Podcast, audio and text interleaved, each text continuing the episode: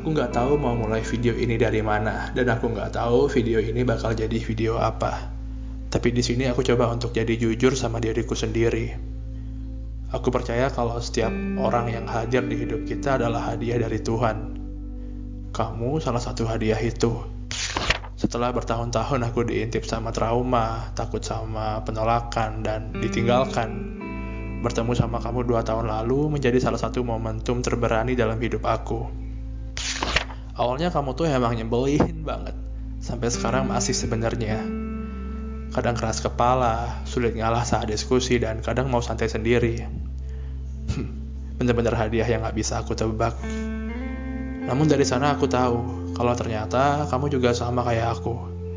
Ada beberapa obrolan yang gak penting yang begitu serius kita bicarakan, sampai akhirnya kita sudahi karena aku atau kamu yang ketiduran. Hingga tiba masa di mana aku mencoba berani untuk bilang sama kamu. Nyatain cinta secara langsung sama kamu dua kali malah. Saat berdua boncengan di sebuah sore yang cerah, lalu saat berdua duduk bersebelahan di tepi pantai yang indah. Aku senang saat itu kamu bertanya alasanku sebelum ujung-ujungnya jawaban iya nggak pernah memihak sama aku.